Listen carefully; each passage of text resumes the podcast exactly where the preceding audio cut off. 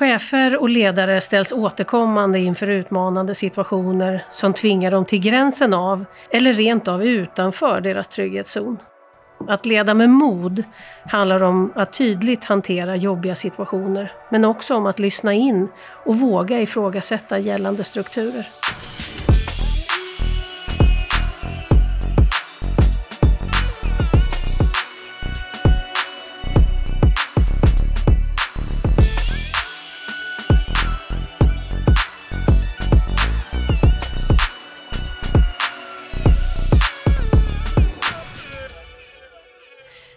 Hej och välkommen till ett nytt avsnitt av Region Sörmlands HR-podd. Idag på temat Modigt ledarskap. Tillsammans med vår gäst Ann-Sofie Fia Plato, vårdenhetschef på hjärt och medicinavdelningen på Kullbergska och tillika sjukhuskoordinator, eh, så ska vi titta lite närmare på vad det här kan innebära i praktiken. Mitt namn är Lena Amnes, jag jobbar som organisationskonsult och ledarutvecklare på Riddarfjärden. Och mitt namn är Katrin Dajander. Jag arbetar som rekryteringsspecialist i regionen. Vad otroligt roligt att ha dig här Fia. Välkommen! Tack så jättemycket Lena. Det har jag varit väldigt glad när jag blev uppringd av eh, Katrin eh, och för hela avdelningens skull känner jag en stor glädje. Underbart! Du, när vi säger modigt ledarskap, vad väcks i dig då? Modigt ledarskap? Jo, för det mig är det att man är eh, trygg i sig själv och vågar göra och ta beslut som ibland kan vara ganska obekväma. Våga stå upp för sina eh, arbetstagare och eh, vägleda dem rätt. Eh, och hela tiden vara örat mot marken och föra fram deras, eh, vad de tycker att vi ska förändra och förbättra. Mm. Tror du att man kan träna upp mod? Eh, absolut, mm. det tror jag. Mm. Har du gjort det? Det har jag gjort under en lång tid, absolut. Det har jag gjort. Jo, det är, arbetslivserfarenhet är ju väldigt viktig eh, och eh, det är klart att ju mer man ställs för, ju mer eh, vana får man för det hela. Men återigen hela tiden gå ner och känna sig trygg och stanna upp och tänka till. Mm. Du, du har ju gjort en lång, eller lång, du har gjort ett digert arbete sedan 2018. Vi ska prata lite mer om det alldeles strax. Så du ska få berätta ur ett ledarperspektiv, dina utmaningar, vad du har lärt dig, hur, vad du har använt för förmågor och så vidare och vilka resultat det har givit. Men vi vill ju naturligtvis också i slutet att du kommer med dina absolut hetaste tips. Åtminstone tre stycken. Tror att du kan ge oss det sen? Det ska jag försöka med. Ja. Jag har en liten inledande fråga till dig och det är om du har någon förebild när det gäller ledarskap? Jag har några stycken faktiskt, det har jag under arbetets gång. Eh, jag hade en chef som sa till mig när jag skulle få ett extra arbete att nu ska du eh, nu ska du få göra det här. Och då satt jag mig och tittade ut genom fönstret. Det här klarar jag aldrig. Då sa den chefen till mig att eh, nu sitt inte nu och tänk på att det där klarar du aldrig. Och då vände jag mig om och sa, jag tar det. Eh, så att det... så är det. Och sen har jag också haft under den senare tiden eh, haft en del bra förebilder, absolut. Ja, vad kul. vad kul. Har du själv läst mycket kring teorier om ledarskap och så?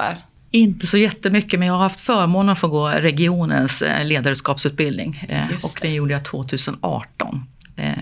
Sista. Och jag har gått en, en del ledarskapsutbildningar innan också. Men det, är, det grundar sig lite i hur jag är som människa.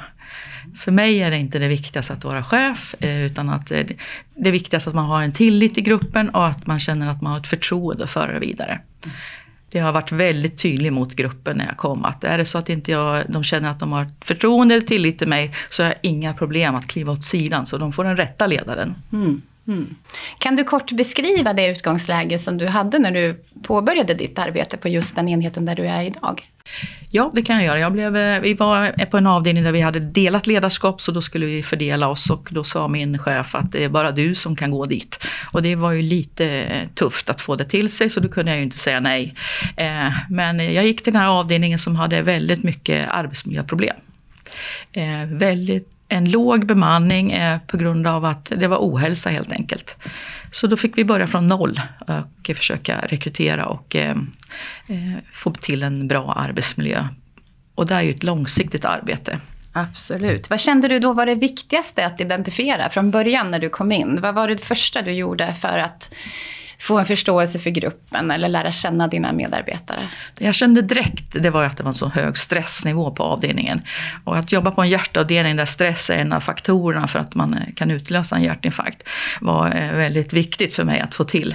Och vi försökte jobba fram oss till en bättre arbetsmiljö.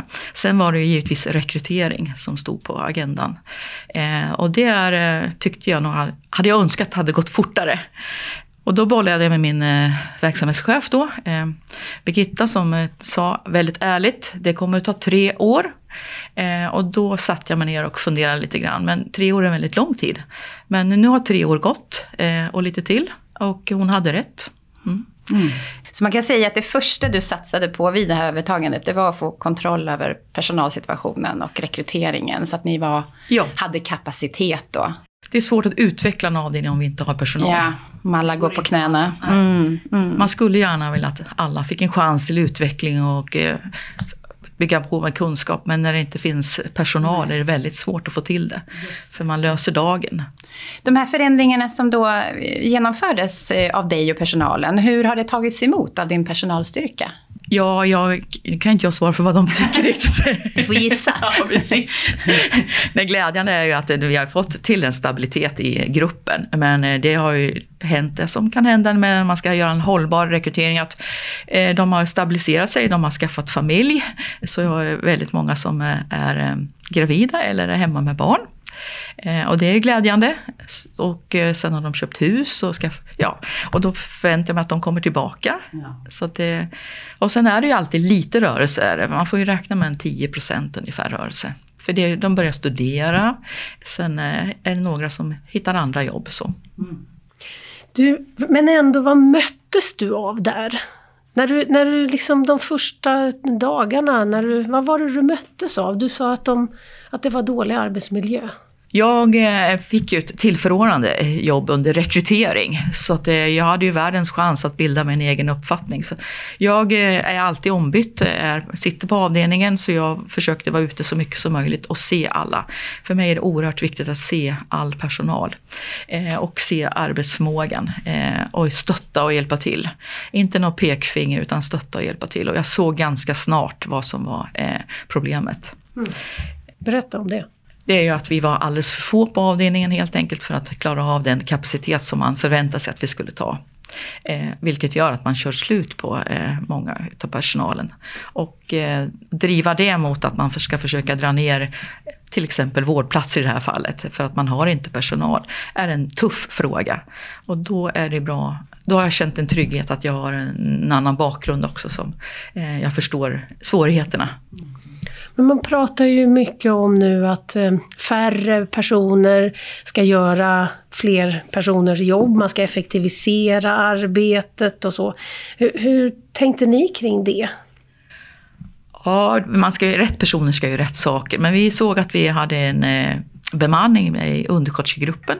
Så vi lyfte upp en undersköterska. Det finns ju eh, vårdledare för sjuksköterskor. Men då lyfte vi upp en sjuksköterska i projektform som är med särskilt eh, utökat uppdrag. Som eh, gör jättemycket insatser på avdelningen och då blev det en trygghet i hela gruppen. Hon tar hand om alla som kommer nya, hon utbildar och hon stöttar både nya sjuksköterskor och nya undersköterskor. Eh, har skött hela rekryteringen till sommaren tillsammans med mig. Och, eh, det där är en jättevinst som jag skulle rekommendera alla att tänka på. Att man kan lyfta flera yrkeskårer. Mm. Jag kom faktiskt in på det med den frågan. Vad har du för stöd själv? Liksom bollplank, mentorer, stöd när det blir mycket hos dig. Jag förstår en, en sån person som du nu beskrev måste ju vara ett stöd i mm. det praktiska arbetet. Väldigt stort stöd så. Känner du att du har någon mer som du kan bolla idéer med eller frustrationen eller vad ja, det nu kan det. vara? En mentor är alltid bra att ha. Och ja. det har jag ingen som är på avdelningen då, utan har en egen mentor. Eh, det, det, är um, inte någon privat, utan en gammal arbetskamrat. Det är Aha. alltid bra att ha någon som inte är med i själva arbetsarbetet, eller avdelningsarbetet. Eh, men sen gäller det att få tilliten till avdelningen, så jag känner ju att jag har stöd på avdelningen. Mm. De kommer med jättemycket bra förslag eh, och de flesta förslagen har vi kunnat genomföra. Mm. Eh, och då känner de att de är lyssnade på det har varit en kick. Har du haft situationer där du har behövt hantera personer som inte ville förändra sitt beteende?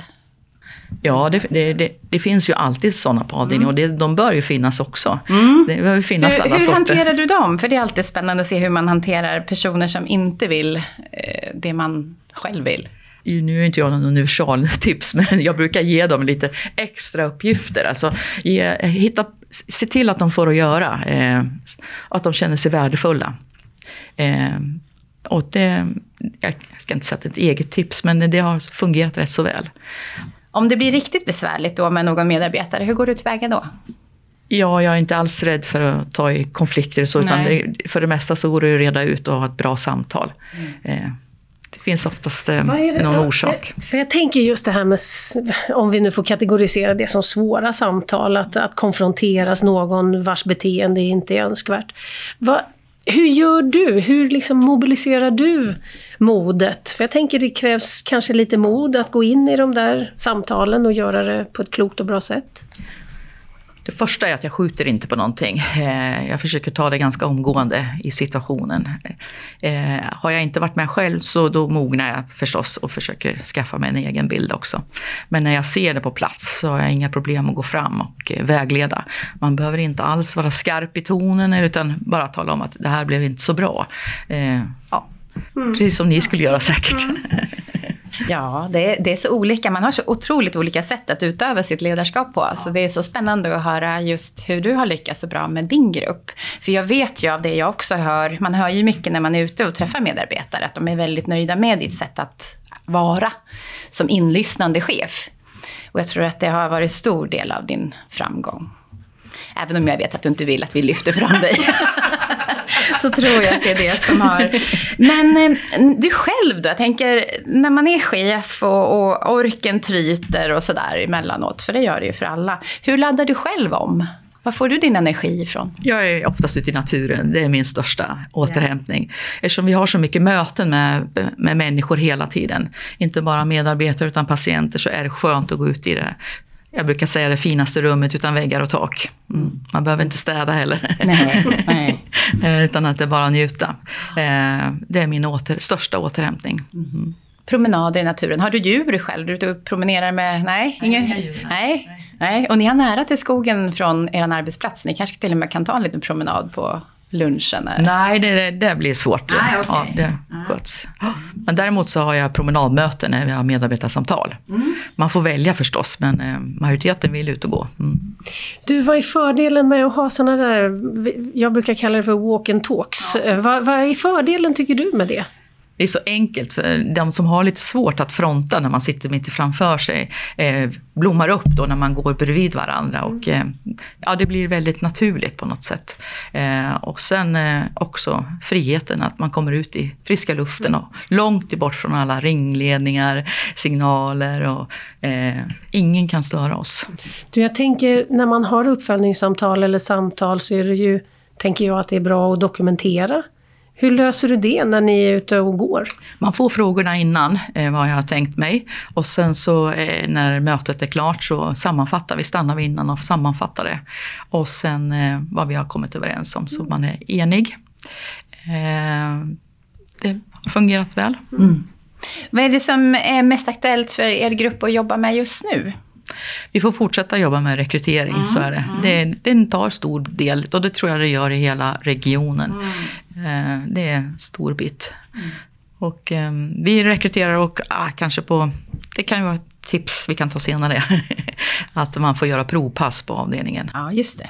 Eh, det är lite arbete att göra en timanställning och så, men det är lyckosamt. Det är några som har kommit och provat och känt att nej, det här är inte mitt jobb.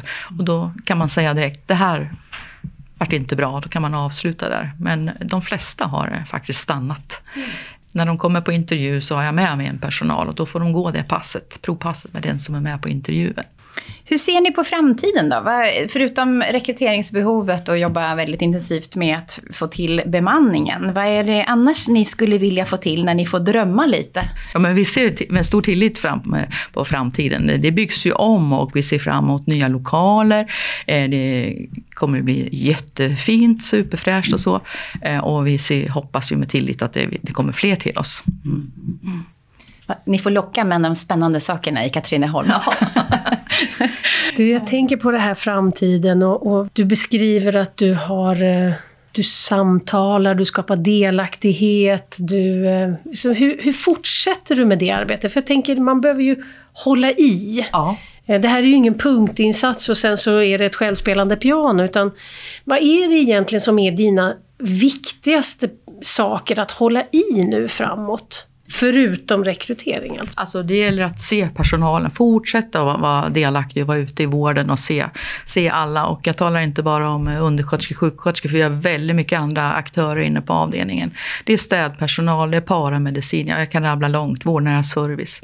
Man, all, man ser alla och eh, tackar för deras insats. Och, eh, för alla gör ett fantastiskt jobb. Eh, vården har ju skruvats om ganska mycket med att vi har mycket serviceinsatser apotekare har vi. Ja, det finns många, att man liksom ser alla och eh, det räcker med att säga hej och eh, stannar upp en liten stund och det är så värdefullt. Ja, det är ju psykologiskt viktigt att känna sig sedd. Ja. Såklart. Men jag tänker det tar mycket tid av din... Du ska ju göra andra saker, administrativa uppgifter och så. Hur, hur får du dagen att räcka till? Det där är nog min personlighet, att jag eh, ligger eh, varmt om hjärtat att man vill själv bli sedd. Så det är väl på det viset det har vuxit fram som en stark bit.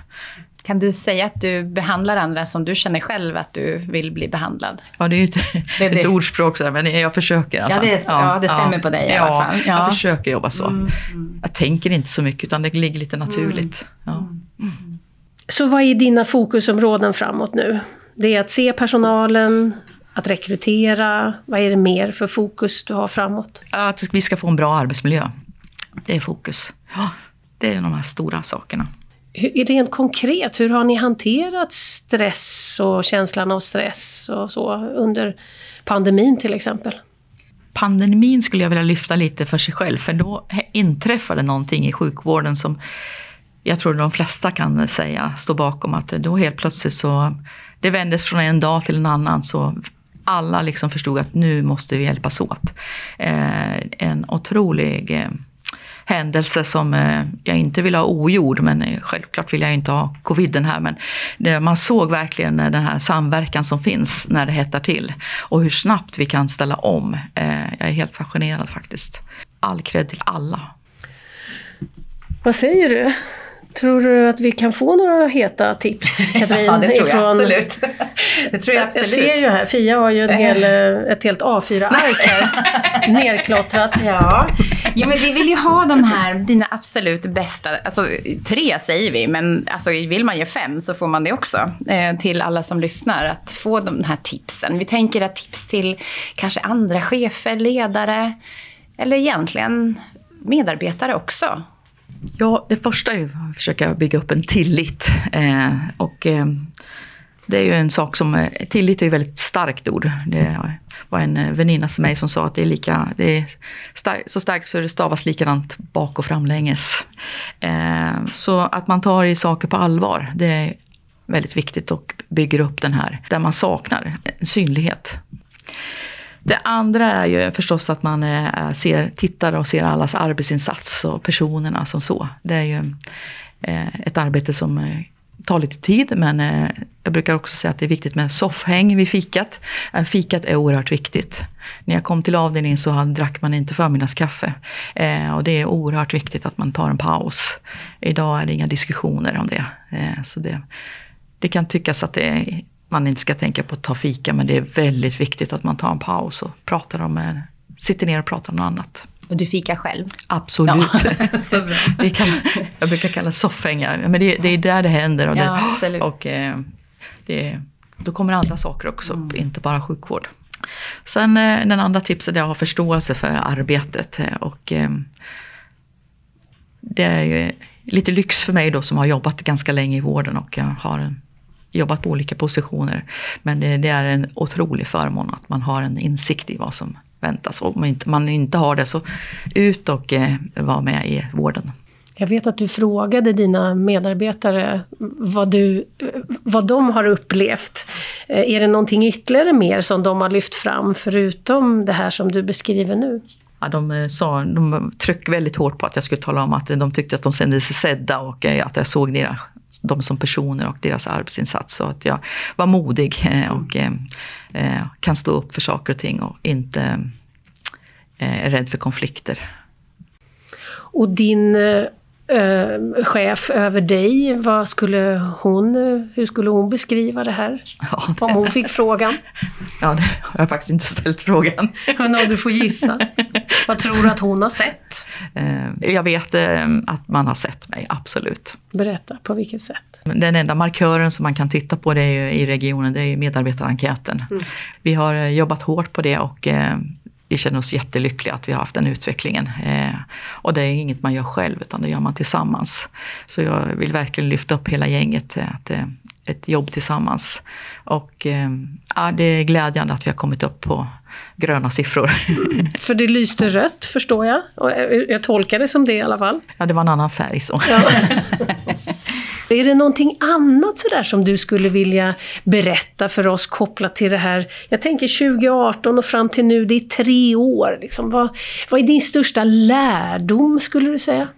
Den största lärdomen är att man måste ha tålamod, alltså gällande, för man vill gärna att det ska gå fortare när det gäller rekrytering för att få upp en bra arbetsmiljö. Det tar tid eh, och sen att det ska vara hållbart. Eh, vi är väldigt noga när vi rekryterar att vi tar in och har samtal och att de får göra provpass.